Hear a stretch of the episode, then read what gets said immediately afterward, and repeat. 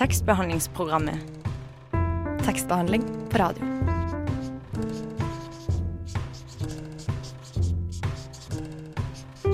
Tekstbehandlingsprogrammet.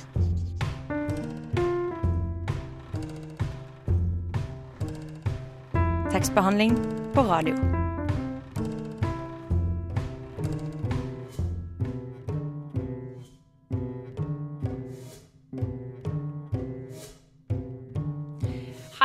Til tekstbehandlingsprogrammet. Jeg heter Anna. Nei, du kjenner meg kanskje ikke igjen. Det er fordi det her er min aller første sending. Så det her må være din eh, lykkedag. Eh, med meg i studio i dag har jeg med meg Idun. Ja, hei, hei. Um, jeg håper at uh, noen i hvert fall kjenner igjen meg, for jeg har vært her noen ganger. Er det lov å si? Ja, jeg håper det. Mm. Um, er du nervøs for første sending, eller? Ja, litt. Eh, jeg, det rumla ganske greit i magen i stad, i hvert fall. Eh, men det har roa seg litt nå. Så vi får, eh, vi får håpe på det beste. Tror det kommer til å gå helt fint, jeg. Ja. når er det du hadde din første sending her, Idun? Jeg tror det er nøyaktig et år siden, faktisk. Sånn, wow. Vi er innen samme uke i november, Mm. så jeg husker jeg var grisenervøs, og så krasja datamaskinen, og alt gikk litt skeis. Men jeg overlevde, så jeg satser på at det kommer til å gå bra med deg også. Det går foreløpig mye bedre med deg enn det gjorde med meg. ja, men da har vi alle forutsetninger. Eh, I dag så skal vi mimre litt tilbake til ungdomsskoletida. Ei tid hvor hormonene løper løpsk og verden kan virke litt som en karusell. Kan eh, du beskrive din ungdomsskoletid med ett ord, Idun? Jeg tror jeg vil si eh, kaotisk. I dag får vi besøk av forfatter Inger Johanne Sæterbakk, som er aktuell med boka 1000 dager. Eh, hovedpersonen i den boka, eh, som heter Johanna, opplever jo også begynnelsen på ungdomsskoletida ganske likt som det du gjorde. Ja. Kaotisk. Jeg kan innrømme at jeg kjente meg litt igjen i eh, den boka også da jeg leste den, så det passer bra. Mm -mm. Men før vi får besøk, så skal vi høre litt musikk. Her kommer Blue Hawaii med låta Free At Last. En, to, tre. P-R-O-G-A-M-A-M Tekstbehandlingsprogrammet på Radio Nova. Vi hørte Blue Hawaii med Free At Last. Nå skal vi over til fremmedordspalten, der Ingrid skal forklare et nytt ord fra fremmedordboka si. Denne gangen eh, er fremmedordet ganske fremmed, så det kan være vanskelig å vite om forklaringa er feil, eller om hun faktisk definerer ordet korrekt den gangen her. Jeg Skjønner ikke, jeg. Dette ordet stammer faktisk fra latin. Kan du stave det for meg? Men det er jo helt fremmed. Skjønte jeg faktisk ikke nå. Fremmed. Fremmed. Fremmed. Bruk det i en setning. Skrevet fremmed. Fremmedord. Jeg skjønner ingenting. Men hva betyr det egentlig? Hør her, Ingrid. Jeg slår opp. Hæ? I ordboka! Fremmedordbok? Dementere. Verbet å dementere springer ut fra ordet dement, som er en sykdom som gjør deg glemsk. Når du dementerer, påstår du implisitt at samtalepartneren har symptomer på demens. Dementeringa utføres ved rett og slett påstå hardnakka at den andre har glemt viktige opplysninger som vrir historien til din fordel. Å dementere kan være en teknikk for å komme seg unna kinkige situasjoner. Eksempel 1. Du er på lunsj, og vennen din skal ha deg til å legge ut. Du dementerer ved å si Hva? Husker du ikke at jeg la ut sist gang? Eksempel 2. Du blir anklaga for å ha mista nøklene du lånte. Men du er en mester i dementeringskunsten og skyndte deg å si Hva? Husker du ikke at jeg ga nøklene rett i hånda di? Eksempel tre. Du blir tatt på fersken i å være utro.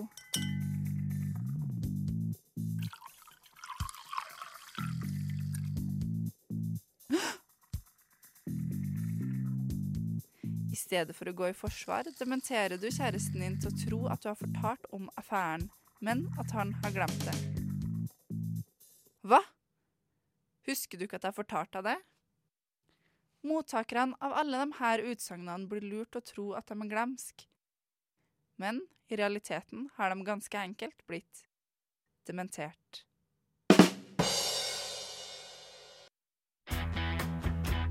Hallo, mitt navn er Knut Nærum, og du hører på tekstbehandlingsprogrammet.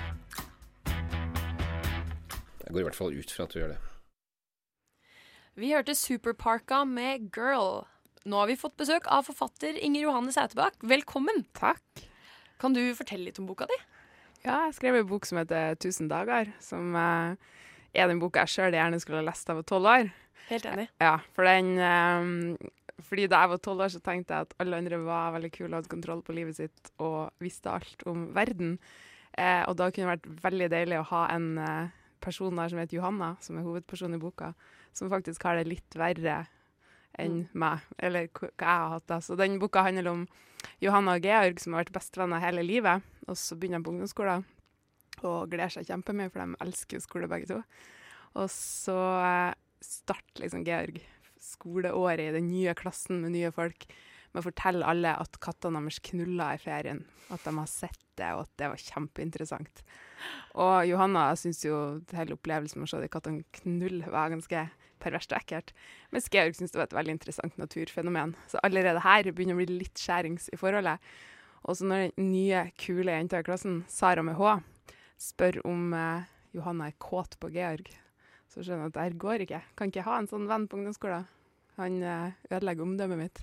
Så da er hun så utrygg på seg sjøl, og så tenker hun at hvis jeg skal bli likt av alle de kule folkene, så må jeg bare kvitte meg med Georg. Så spør han om de kan ta pause i vennskapet til ungdomsskolen er ferdig, dvs. Si 1000 dager. Og så gjør de det, da. Og det er selvfølgelig litt mer komplisert enn hun har tenkt. Selve ideen, altså selve grunnideen, hvor kom egentlig den fra? Altså, jeg hadde veldig lyst til å skrive ei bok om den litt sjokkerende opplevelsen av å plutselig bli kjønna av omgivelsene, når du egentlig bare er vant til å være en person som går rundt. Og så hadde jeg ei venninne som fortalte meg om en hun og hennes bestevenn, som er og hennes bestevenn i dag, de tok faktisk en pause i vennskapet på ungdomsskolen. Eh, i, I hele ungdomsskolen. Um, og dem- men det var liksom bare litt sånn mest, liksom praktiske årsaker, ikke så dramatisk som her. Da tenkte jeg at kanskje jeg kan stjele den historien og bruke den for å liksom skape liksom drama i boka, for å få, få det liksom til å handle litt om den konflikten mellom det å bare være to gode venner, og så plutselig begynner alle andre å snakke om noe i en sånn her At det liksom har med sex og kjønn og forelskelse og sånne ekle ting å gjøre, da. Når jeg var 12-13, så var det ekkelt. Definitivt. Ja, Uh, hovedpersonen eh, i boka heter jo Johanna, og du heter Inger Johanne. Ja. Er det noe sammenheng der? Nei, det var sånn som min lillebror sa til meg, at, at han, det er mye med oss som er likt. Jeg var veldig sånn flink på skolen, litt sånn nerd, og var ikke Altså, jeg vokste jo på 80-tallet. Vi trengte jo ikke å være Eller jeg gikk på ungdomsskole på 90-tallet. Da var det jo ingen som var, var sånn veldig sånn feminin, eller vi så jo som gutter til vi liksom ble konfirmert, fikk på sånn bunad, liksom. Så det var veldig sånn fritt på den tida. Mens, mens broren min sa at motsetten, eller for, eh, forskjellen på meg og Johanna er at jeg skjønte ikke hvor off jeg var. Så jeg hadde egentlig veldig fint på ungdomsskolen, for jeg var liksom ikke så veldig opptatt av å bli likt. Eh, og, men jeg ble liksom godt likt, men jeg var ikke sånn spesielt kul. Så, så en sånn liksom manglende sjølinnsikt gjorde det mye lettere for meg enn for Johanna, da, som strever liksom litt med med å bli likt av folk hun egentlig syns er kjempeuinteressant. Mm. Så det tar litt tid å innse det at, at hun strever etter å bli likt av feil folk. Er det mye av boka som er basert på din egen ungdomstid, eller er det Ja. Nei, ja, altså det er jo litt sånn Jeg hadde jo en del situasjoner jeg hadde lyst til å bruke, men så blir det jo litt det at eh, at man bruker det kanskje på en annen måte enn sånn som det egentlig var. Eh, men så er jo det som er så gøy med å skrive, at når du sitter der og dikter, så, så går jo fantasien litt løpsk. Så det er jo Men det er jo en slags sånn grunnfølelse jeg hadde lyst til å skrive om det der. Altså Når man begynner på ungdomsskolen, så har man liksom ikke noe mengdetrening i å være menneske som man har når man er voksen. Jeg syns jo det var mye mindre dramatisk å få grått hår, liksom, enn å, enn å få mensen. Altså, så alle der Du opplever liksom sånne svære omveltninger med kroppen din når du er 12-13, men så er du liksom ikke vant til å takle sånne ting, for at du har liksom ikke prøvd å være menneske så veldig lenge. Så, så det var liksom litt den følelsen jeg hadde lyst til å få fram. For at den boka heter jo 1000 dager, og det handler jo på en måte òg litt om at eh, på ungdomsskolen så kan jo livet ditt kan jo være dødsbra det første friminuttet, og så det fjerde friminuttet hadde jeg rakna, så hadde blitt forelska i en ny en. Kanskje var forelska i en da dagen starta, og så forelska en annen når dagen Ja. er ferdig. Altså det er så store skifter, for man har liksom ikke helt kontroll på seg sjøl. Takes me back, definitivt. Ja, så det var så, men det, det er jo litt det at man må gå litt i sin egen liksom, hukommelse og finne tilbake kanskje de følelsene. da. Så jeg prata ganske mye med eh, Jeg har en bror som er ungdomsskolelærer, og så har jeg ei, ei venninne som er 13 år, da, som jeg hun har liksom snakka litt om hvordan det er Mm. i dag å være 13 år, og det er jo ganske likt. Det er litt sånn uroen Mm. og utryggheten, på en måte. Det sier lillesøstera mi òg. Ja. Akkurat samme alder.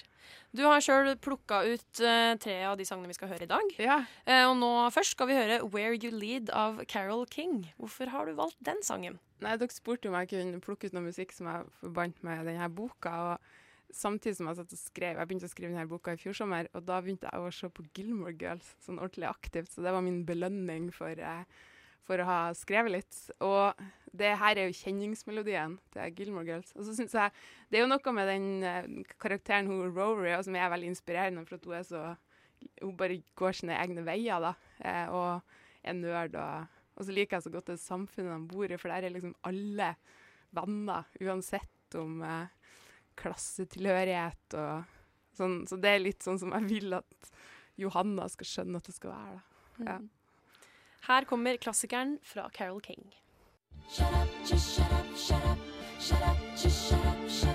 Hysj! Nå hører vi på tekstbehandlingsprogrammet. Det var Carol King med 'Where You Lead', valgt av Inger Johanne Sæterbakk, som er gjest hos oss her i dag. Det første ordet i boka di, Inger Johanne, det lyder som følger katteknulling. Eh, hvorfor katteknulling? Nei, altså, jeg hadde jo lyst til å dra leseren inn i en litt dramatisk situasjon. Definitivt. Eh, og eh, det som blir veldig sånn definerende for denne boka, er jo at siste dagen i sommerferien så ser Johanna og Georg eh, at kattene deres eh, driver har seg på balkongen til naboen. Og det syns Johanna er skikkelig ekkelt og perverst og stygt, og sånt, for hun ser jo på det som en sånn veldig sånn seksuell handling, og det syns hun er disgusting. Eh, mens Georg er veldig opptatt av naturfenomen og syns det er fantastisk å se på det, og veldig interessant. Eh, og da opplever man jo allerede her liksom skillet kanskje i modenheten deres, da.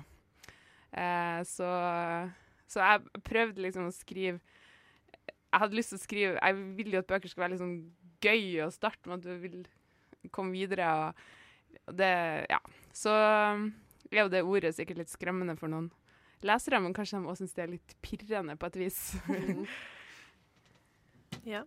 Um, så jeg lurer på, hvordan er det egentlig som voksen å sette seg ned og skrive en ungdomsbok, spesielt da med tanke på liksom det språket der, da, sett fra en 13-årings øyne? Hvordan, hvordan er det? Ja, nei, det, det er egentlig et godt spørsmål. For det var jo Jeg hadde egentlig aldri tenkt på at jeg skulle skrive for ungdom, men så var det en redaktør på Aschehoug som spurte meg om det, om jeg ville gjøre det. Og da fant jeg jo fra mange situasjoner i, i hukommelsen min. Um, det er egentlig Jeg leste masse ungdomsbøker for å på en måte finne ut hvor nivået lå hen. For uh, det handler jo både om hvor komplekst eh, språket kan være, og hvor komplekse handlinger kan være og sånn. Uh, så man må liksom forenkle litt, uh, kanskje ut ifra hvordan man ville skrive. Jeg tenker kanskje mye mer muntlig når jeg skriver, da, enn hva jeg ville gjort hvis jeg skulle skrive en sånn der kunstroman. Men det kommer jeg nok aldri til å gjøre uansett. Så, men det har vært veldig gøy, da. Også, sånn, eh, det handler jo f.eks. en del om at yndling, hun har jo en yndlingsbok, eh, 'Victoria av Hamsun'. Det er utrolig gøy å skrive bokanmeldelse for en åttendeklassing når du liksom er 35. så eh, Å liksom finne ut hvordan hun ville ha skrevet det, og, og på en måte tolke boka med min yngre hjerne, da. Eh, det er veldig artig, altså. Kjempeartig. Hva slags eh, research har du gjort i forbindelse med eh, skriveprosessen? da? Nei, det er egentlig mye, brukt mye um, stoff i mitt eget hode, og så snakka som sagt en del med broren min, som er ungdomsskolelærer, for å liksom forstå målgruppa litt. Og så har jeg lest masse ungdomsbøker, da. Ja, det gis ut masse gode ungdomsbøker både på mitt eget forlag og andre forlag. Og så, når jeg har stått litt fast, så har jeg gått tur i skogen og hørt på sånn bokpod med andre forfattere for å liksom lære hvordan de skriver. sånn at jeg Så liksom Å ja, Per Petterson gjør sånn. Ja, nei, men da kanskje det ikke Han skriver ikke så mye hver dag. Det gjør det ikke noe at jeg heller ikke gjør det. Mm. Ja, så Og så har jeg jo måttet lest meg ganske mye opp på eh, sånn eh, drektighet hos katt og sånt, da. For at det måtte jo liksom være riktig i i og med at jeg skrev en del om katteknulling. Fordi vi følger jo Det, det blir jo en kattunge ut av det her, så jeg måtte liksom få alt riktig da. Ja. Ja, du skal eh, lese et lite utdrag for oss. Ja. Hva? Jeg må nesten ta den i starten, da. Ja. Det kapittelet her, det heter 'Verdens beste sommerferie'. Katteknulling. Om noen hadde bedt meg akkurat nå om å beskrive årets sommerferie med ett ord, er det det eneste ordet jeg hadde kommet på. K-a-t-t-e-k-n-u-l-l-i-n-g. Sjøl om det ikke står i noe ordbok eller i noe leksikon eller på internett. Og sjøl om jeg aldri i livet kommer til å si det forferdelig stygge ordet høyt, er det det eneste ordet jeg greier å tenke på akkurat nå. Katteknulling, katteknulling, katteknulling. Hjelp! Kan noen komme hit og skru hjernen min tre timer tilbake, så jeg slipper å tenke mer på katteknulling? For tre timer siden lå jeg på trampolinen i hagen og så opp på himmelen og tenkte på alt mulig som er fint, mens jeg tørka håret mitt og klærne mine i varmen fra sola. Jeg liker å ligge sånn og tenke på ting. Sola er ikke så sterk på kveldene, men jeg kjente at hun saug til seg litt av vannet fra håret og den gule singleten. Magen min var full av såpebobler, sånn som magen bruker å være når jeg gleder meg til noe. Store og små såpebobler som klistra seg inn i hverandre og svevde rundt i magen før de sprakk og vanndråpene spredde seg som mikroskopiske fyrverkeri. Altså, jeg hadde sjølsagt ikke såpebobler i magen, men jeg hadde så mange gode tanker. Om noen hadde bedt meg om å beskrive sommerferien med ett ord da, hadde jeg sikkert ikke greid det. Verdens beste sommerferie er jo tre ord. Favorittsommerferie, det er ett ord. Det ville jeg sagt. Favorittsommerferie. Tusen takk for uh, utdrag. Um, nå skal vi videre til litt musikk. Her kommer 'Hjertefyll' av Lisa Skoglund. Tekstbehandlingsprogrammet når du har lyst til å lese med øra. Det var 'Hjertefyll' av Lisa Skoglund. Um, I boka er romanen 'Victoria' av Knut Hamsun eh, favorittboka til protagonisten eh, Johanna. Har du sjøl hatt et lignende forhold til den boka, eller ei anna bok i oppveksten? Altså, akkurat det der er nok litt sånn sjølopplevd, for jeg og uh, min bestevenninne på ungdomsskolen vi var veldig sånn intellektuelle av oss, trodde vi. Så vi drev og leste Hamsun, da, men vi forsto Eller vi trodde liksom vi forsto Hamsun så bra. Men den boka er på en måte ikke så vanskelig tilgjengelig, men vi syntes den var litt sånn supertrist og ja. Det, nå leste jeg den jo på en time, så, men jeg skjønner på en måte at, at hvis du er litt sånn nerdete åttendeklassing, at du Jeg tenker at det er sånn logisk at du kan felle for den, for den er Ja, det er jo liksom Du tror jo det skal gå bra, og det er jo kjærlighet, og, og så tenker du at det er litt intellektuell når du leser Knut Hamsun, liksom. Så, så jeg var litt opptatt av den. Men eh, var det noen deler av boka som var vanskeligere å skrive enn de andre? Altså, jeg synes, eh, Det som jeg syns er vanskelig med å skrive en bok, er på en måte å få hele boka til å henge sammen. Fordi jeg har jo veldig mange Jeg er en litt sånn anekdoteperson som liker å fortelle sånne anekdoter. Altså, det er jo på en måte på, mye Man forteller jo små historier på en måte gjennom situasjonene, så jeg slet litt med å bygge opp boka. Men jeg ble litt sånn rørt, faktisk, når jeg, når jeg skrev om at Johannas liksom innså at hun savna Georg skikkelig, og var så redd hvem var redd for at hun ikke var noen uten han. Når, det her skjer jo på et tidspunkt i boka når hun innser at det ikke går så veldig bra å være venner på pause, for at hun ikke forstår helt liksom, oppførselen hans når de ikke er bestevenner lenger. Og da er hun så redd for at hun bare skal være liksom, ingen uten han, fordi at de har jo opplevd alt til felles og vet ikke om hennes historier er liksom sjølopplevd, eller hun har hørt dem av han, eller og det syns jeg ble jeg nesten litt sånn rørt, da. så, ja, så det er jo Men det syns alt egentlig har vært Det har vært veldig kjekt, altså. Har du lært noe av å skrive denne boka, syns du? Ja, jeg har jo blitt veldig god til å stå opp tidlig om morgenen og rett og slett lagt om døgnrytmen litt. For at hvis du skal få til å skrive en bok i tillegg til å ha en jobb og et liv, så må du på en måte gjøre det på den tida av døgnet du vanligvis ikke gjør så mye viktig. Og så jeg har skrevet bok mellom seks og åtte om morgenen før jeg går på jobb. Eh, og det har jeg jo lært noe om. Så jeg har selvfølgelig lært noe om denne sjangeren. Om eh, det å bygge opp en god dramaturgi, det er det jeg jobber mest med. Så, eh, og så var det veldig viktig for meg å få til å skrive denne boka, for jeg har tidligere skrevet en roman sammen med ei venninne, og det her er første gang jeg skriver alene. Og når jeg på en måte har naila det, så tenker jeg at jeg kan skrive bøker. Eh, mange flere bøker, håper jeg, da. Mm. Annet enn å stå opp klokken seks og skrive, har du hatt noen andre rutiner eller ritualer som har vært viktige for skrivinga? Altså, jeg, jeg tok eh, Altså, det handler mye om å sette av tid her, sant. Eh, så um, det er liksom på, på med kaffen og, og sitte sånn halvmørke ved spisebordet, og så liksom ommøblert jeg stua litt, sånn at jeg skulle på en måte stenge ute resten av livet mitt. Sånn at jeg sitter med ryggen til resten av leiligheten og ikke ser om det er rotete eller, eller sånn der. Eh, så, og så var jeg veldig opptatt av å finne en fin font, sånn at jeg kunne sitte og se på en fin font på skjermen. Så jeg brukte sikkert tre dager på det før jeg begynte å skrive. så, men jeg har ikke sånn, eh, sånn, kanskje så mange rutiner, men jeg har liksom blitt ganske god til å på en måte bruke den tida jeg har godt. da. Ja, nå skal vi høre enda en av dine utvalgte sanger.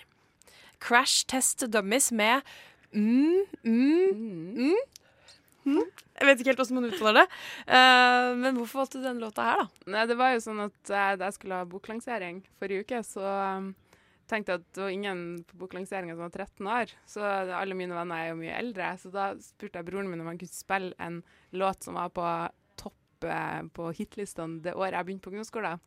Og siden jeg er eldgammel, så var jo det i 94. Og da var denne låten veldig sånn stor hit. Drømte alltid om å bli bydd opp til den sangen på fritidsklubben. Skjedde aldri. Men var, jeg kommer for alltid til å forbinde den her med den boka etter den lanseringa, for da satt hele lanseringsfesten og så hadde allsang. Så det var veldig fint.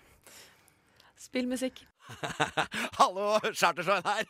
Jeg passer jaggu meg inn i tekstbehandlingsprogrammet også. Jeg syns at døra bør stå på gløtt. Tekstbehandlingsprogrammet holder døra oppe for alle. Lar du døra di være litt åpen Det var Crash Test Dummies med mm, mm, mm. Du har enda et utdrag på lager Ja. til oss. Det her kapitlet heter Kåt, 'Kåtere oss kåteste'. Og jeg må kanskje bare forklare litt hva, hva det, hvorfor det heter det. Men det er fordi det, det her kapitlet det, det, som akkurat har skjedd, er at Sara med H, den nye kule jenta i klassen, spør Johanna om hun er kåt på Georg, altså hennes bestevenn. Da blir hun jævlig stressa, da, for hun vet jo ikke Hun vil jo ikke være det, hun vet jo ikke helt hvordan det er. Eller, ja. Litt kåt på Georg? Jeg kan nesten ikke tro det hun sier. Jeg kjenner at ei ubehagelig kjensle fyller hele kroppen min for andre gang i dag. Fra helt nest i magen til oppi halsen og langt nedover i knærne. Men dette er annerledes enn da Georg snakka høyt i timen. For det er ikke bare ei, men mange ubehagelige kjensler som gjør meg både forvirra og usikker. Det siste småsporet av tøff og modig som var inni meg i stad da jeg forsvarte Georg, forsvinner. Det kjennes som om jeg prøver å svelge hjertet mitt, og at det setter seg fast i halsen. Jeg vet ikke om den kjensla er kåt, men jeg tror ikke det. For det er jo Georg hun snakker om. Georg er den vennen jeg har hatt lengst. Den vennen jeg har kjent like lenge som jeg har kjent meg sjøl. Mora hans og mora mi går på yoga lag og drikker vin i lag og har teite fniseanfall i lag. Da sitter jeg og Georg og ser oppgitt på hverandre. Georg som jeg bare er i lag med fordi han er Georg. Georg som ikke er opptatt av å være kul, og som snakker om katteknulling ved første naturfagstimen på ungdomsskolen, og som jeg blir både sint og irritert og flau av, men som jeg er glad i uansett. Det er ikke fordi jeg er Åh, jeg greier ikke å tenke det ekle ordet engang. Kåt, kåtere, kåtest, verdens kåteste. Du er litt kåt på Georg, ikke sant? Sånn sa det, rett fram, som om vi snakka om mat eller skolefag. Du er litt glad i brødskive med leverpostei, ikke sant? Du liker norsk og matte, ikke sant? Det er tirsdag i dag, ikke sant? Du heter Johanna, ikke sant? Hun sa det som om det er en kjent opplysning alle vet, som alle snakker om, som hun og Synne og Sara har diskutert i friminutter på skolen, som hun forteller mor si når er til middag, som hun tenker på når hun ser meg sitte ved sida av Georg i klasserommet, fordi det er sant, ikke sant? Det er jo ikke det, eller jeg veit ikke, jeg har aldri tenkt på det. Hjertet slår kjempefort, kott, kott, kott, godt, kott, kott, kott. Jeg skjønner ikke hva jeg har gjort som får henne til å tro at jeg er kåt på Georg. Har jeg oppført meg sånn som Perla oppfører seg i lag med Roy? Har jeg sett forelska ut? Har jeg sett på Georg sånn som Johanne ser på Victoria, med forelska blå øyne? Har jeg noen gang gjort noe som helst som får det til å se ut som jeg er kåt på Georg? Nei, jeg har jo ikke det! Er det fordi Georg sa det om kattene våre, og så tror hun at jeg og Georg også tenker på sånne perverse ting. Jeg vil ikke at noen skal tenke sånn om meg og Georg, uansett hvorfor de gjør det. Det er forbudt å tenke sånn, iallfall burde det være det. Dessuten er jeg ikke helt sikker på hvordan det er å være kåt. Jeg har aldri tenkt på at jeg burde være det heller, jeg er bare tolv og et halvt år. Jeg skal aldri ligge med noen, det virker jo helt meningsløst. Jeg skal aldri bli forelska heller, eller elske noen, for da kan jeg bli så trist at jeg dør. Hvorfor skal jeg være kåt da? Jeg vil ikke være kåt. Jeg vil ikke at noen skal tenke at jeg er det heller, for da kan det jo hende jeg blir det. Og er det noe jeg aldri, aldri vil være, så er det kåt. Tusen takk. Bare hyggelig. ja, du eh, bruker jo tidvis ganske grovt språk, akkurat som her, det med kåt. Eller jeg vet ikke om det er grovt, det. Eller Ja, altså, hun, det er jo en I de indre monologene så går jo Johanna er jo mye mer sånn grenseløs enn mm, For det er ingen som hører på. Nei, altså, hun er jo hun, hun, hun er jo veldig opptatt av å vite ting. Mm. Eh, så hun, hun må jo finne ut når noen spør om hun er kåt, så må hun finne ut om hun er det. For hun vet jo ikke helt hvordan det er. Så hennes hjelpemiddel er jo internett, og et annet sted i boka så prøver hun å finne ut på internett hvordan det er å være kåt. Og det var jo Å, å gjøre den researchen som voksen kan jo òg være litt eh, skremmende, å google eh, hvordan er det å være kåt. Ja. så jeg skjønner jo at eh, hun får en liten eh, Går på en liten smell der, da. Men har du fått noen reaksjoner på det? Eh, nei, jeg har ikke snakka med så mange barn om det, men jeg tror eh, Jeg tror jo at For hun går jo aldri altså de, Det er jo ingen her som har sex. Eller som Det er jo bare kattene som er. Mm. Eh, men jeg tenker at Jeg håper jo da at når noen ungdommer eller barn leser boka, at de tenker litt sånn Å ja, er det sånn det er? Eller at Ja. de syns det er sånn gøy info å få, da. Ikke sant? Så, men man må jo gå litt ut av sitt gode skinn som, som voksen. Det, er- men det er litt sånn artig å ta tilbake den litt sånn naive tankegangen. Mm. Nå skal vi høre litt mer musikk. Den gangen her Tuva Band med låta 'Trees'. Du hører på tekstbehandlingsprogrammet. Radio Novas beste og eneste litteraturmagasin. Vi hørte Tuva Band med 'Trees'. Inger Johanne, hvordan ser framtida ut? Har du noen nye prosjekter i gang? Eh, ja, eller for meg, ja, for meg var det her litt sånn her Når jeg leverte her manuset til boka her, og de sa det her blir bok, så tenkte jeg yes, nå er jeg forfatter. Nå nå, nå, jeg, har åpna opp hjernen min Mm. og funnet en måte å skrive på. Så jeg har eh, noen nye ideer som jeg jeg skal begynne med. Nå, akkurat nå driver jeg flytt. Når jeg har fått inn, uh, kommet i en ny leilighet, fått plassert uh, spisebordet mitt sånn at jeg ikke ser rotet. og veldig mye sånn folk som går utenfor det nye kjøkkenvinduet mitt. Jeg tror det kan bli bra å sitte der og skrive. Masse historier som utspiller seg. Så um, jeg håper at jeg liksom er i gang med noe som jeg kan fortsette med, da. Det gjør jeg. En oppfølger? Ja, jeg, liksom, jeg tror jeg har lyst til å skrive en gutt neste gang, da. Sånn, Ja. En slags Georg. Georg 2.0, kanskje. Mm. Men blir det ungdomsroman neste gang òg, eller? Ja, jeg tror det at jeg har lyst til å fortsette med det nå. Og så har jeg jo noen ideer som jeg håper at kan bli for andre målgrupper. Mm. Men eh, det, det er vel sånn man ikke skal si, for da blir det vel aldri noe av.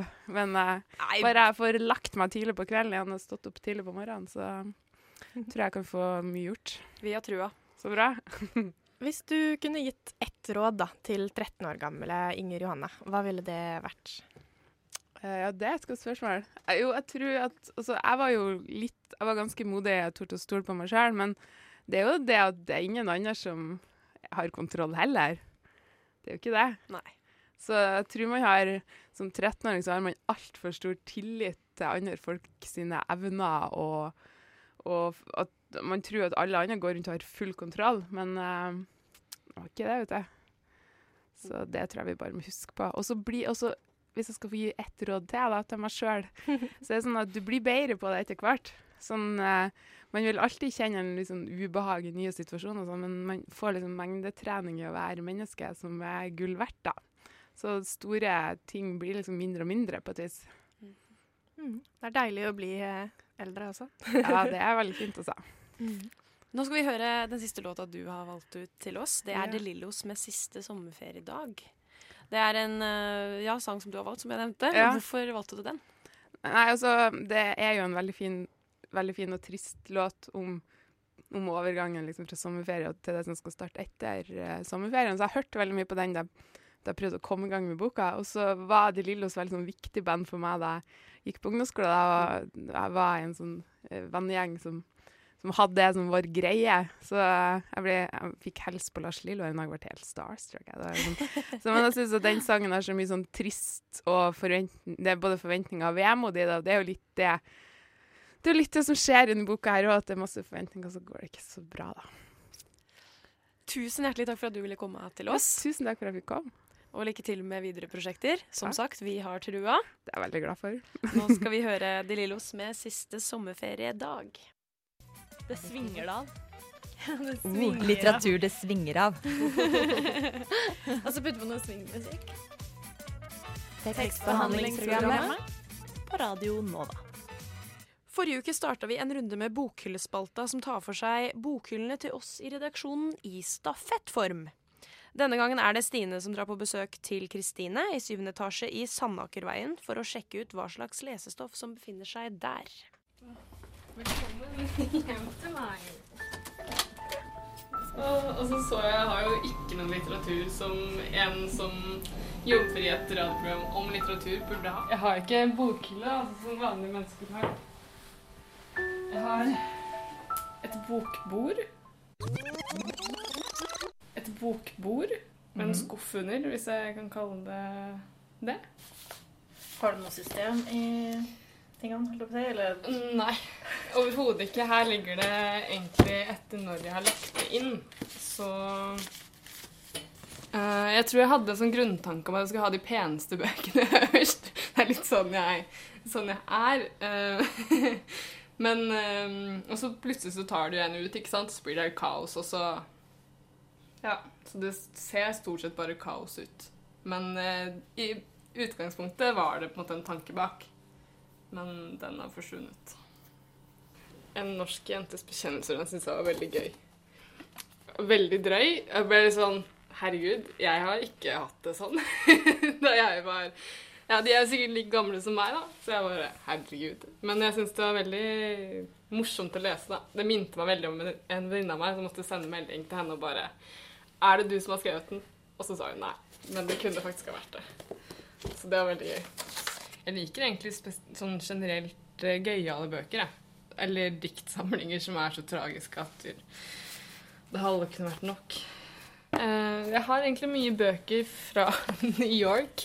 Fra min uh, favorittbookstore i New York.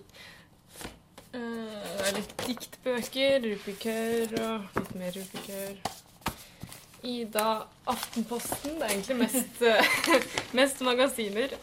A-magasinet D2 Kamille. Ren poesi. I love Dick. Endre Ruseth. Og så har jeg sånn guide til Reykjavik som jeg kjøpte da jeg var på Reykjavik, eller i Reykjavik.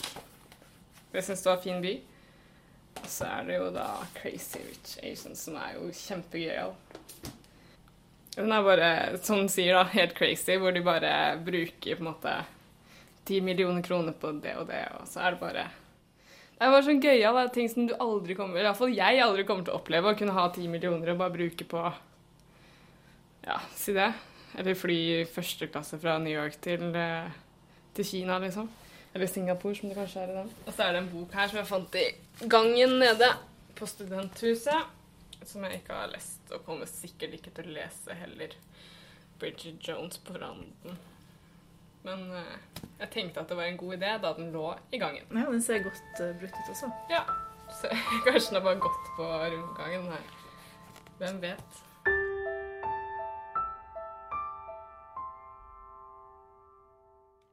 Det var altså bokbordet til Kristine, eh, klippet sammen av Stine. Idun, jeg må nesten spørre deg òg. Hvilke råd ville du gitt til 13 eh, år gamle Idun? Um, jeg tror at uh, det må være å tørre å gjøre det jeg har lyst til, og tørre å bruke tid på det jeg syns er gøy. For jeg husker at når jeg var 13 år og begynte på ungdomsskolen, mye større skole enn barneskolen, så var jeg så innmari opptatt av å være kul. Og det gjorde jo at jeg bare ble en sånn usikkerhetsbombe, og jeg var alt annet enn kul. Så, så det må være det. Gjør det du har lyst til, drit i hva som er kult, ikke kult. For man er mye kulere hvis man gjør det man vil. Sant. You know, you get it. Ja, sant. Uh, men uh, hva med deg? Hvordan har det vært å ha sin aller første sending? Tja, det gikk kanskje egentlig bedre enn uh, forventa. Jeg var jo veldig nervøs i starten. Uh, magen har roa seg, i hvert fall. Det høres veldig bra ut eh, for oss eh, som ikke sitter inni hodet ditt, i hvert fall. Å ja, takk Gud. Jeg var, jeg var veldig bekymra for det. For det, det som foregår inni hodet mitt, er, eh, det er viltert. Um, jeg skal legge meg og sove godt i natt, i hvert fall. Det kan du. Og uh, det høres ut som et uh, lite naturtalent, uh, syns jeg. Yes! Vi er tilbake neste uke klokka ti. Ja, Eller som podkast når som helst, egentlig. Når det passer deg. I studio var meg, Anna Gamme. Meg, Idun Svarverud. Og tekniker var Joakim Foss Johansen. Ha det.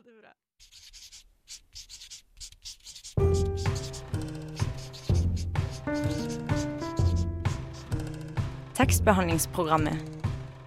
Tekstbehandling på radio.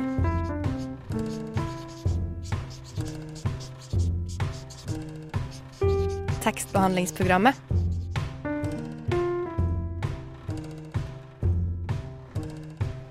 Tekstbehandling på radio.